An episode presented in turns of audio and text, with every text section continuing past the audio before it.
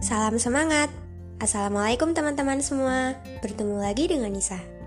Di podcast kali ini, aku mau membahas kalimat yang pernah aku dengar bahwa menjadi teladan itu dimulai dari diri sendiri. Hmm, apa sih yang kamu pikirin waktu dengar kata teladan? Allah berfirman dalam surat Al-Ahzab ayat 21, yang artinya, Sungguh, telah ada pada diri Rasulullah itu suri teladan yang baik bagimu, yaitu bagi orang yang mengharap rahmat Allah dan kedatangan hari kiamat dan yang banyak mengingat Allah. Nah, jadi kalau kamu bertanya-tanya nih, gimana sih sosok teladan yang ideal itu?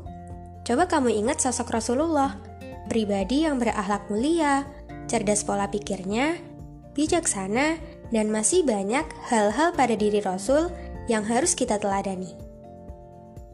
Seorang teladan itu harus memberi contoh yang baik. Kalau kita sendiri belum baik, gimana mau menjadi teladan? Pada dasarnya, setiap manusia pasti mempunyai kebaikan di balik kekurangannya. Namun sayangnya, ada banyak manusia yang gak sadar kalau dirinya itu punya kebaikan. Padahal kan, kebaikan itu gak harus berupa hal besar, bisa berupa hal-hal kecil yang sederhana. Contohnya nih, kamu menyingkirkan batu yang ada di jalan, atau ngasih makan kucing yang kelaparan. Itu udah kebaikan bukan?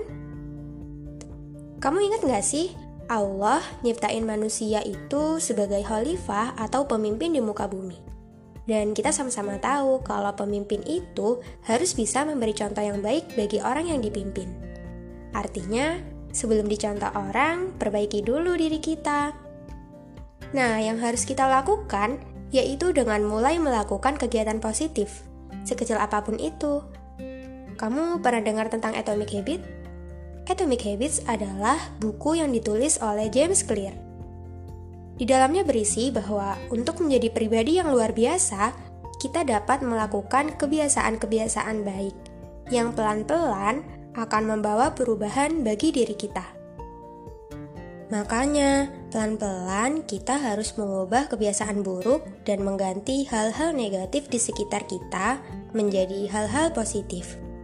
Emang, pasti rasanya berat banget. That's why kita bisa mulai dari perubahan-perubahan kecil. Misalnya, ngubah kebiasaan tidur abis subuh jadi olahraga pagi. Atau manfaatin waktu akhir pekan untuk membaca buku motivasi. Bukan hal besar kan? Tapi jika kita udah terbiasa melakukan kebiasaan-kebiasaan baik itu, lama-lama kita bakal jadi pribadi yang jauh lebih baik lagi.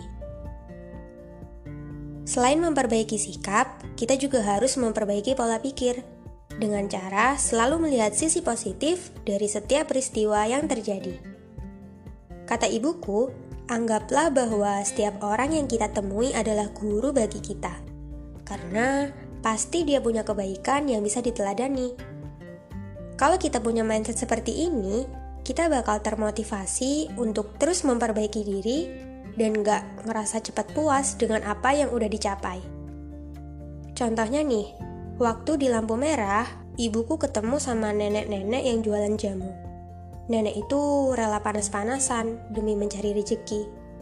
Dari situ, ibu jadi belajar tentang gimana seorang nenek berjuang dan berkorban. Padahal random banget kan ketemu sama nenek di tengah jalan, tapi ternyata nenek itu memiliki kebaikan yang bisa diteladani. Ada sebuah hadis yang artinya seorang mukmin adalah cermin bagi mukmin yang lain. Hadis ini diriwayatkan oleh Imam At-Tabrani. Secara nggak sadar, orang juga udah melihat dan bisa aja mencontoh tindakan kita loh. Misalkan, mencontoh kerapian kita dalam membersihkan kamar, kedisiplinan kita saat janjian dengan teman, bagaimana kita bertutur kata, dan lain sebagainya. Gak mau kan kalau yang dicontoh keburukan-keburukan kita? Itulah kenapa kita harus memperbaiki diri dan senantiasa berbuat baik, walaupun dari hal kecil.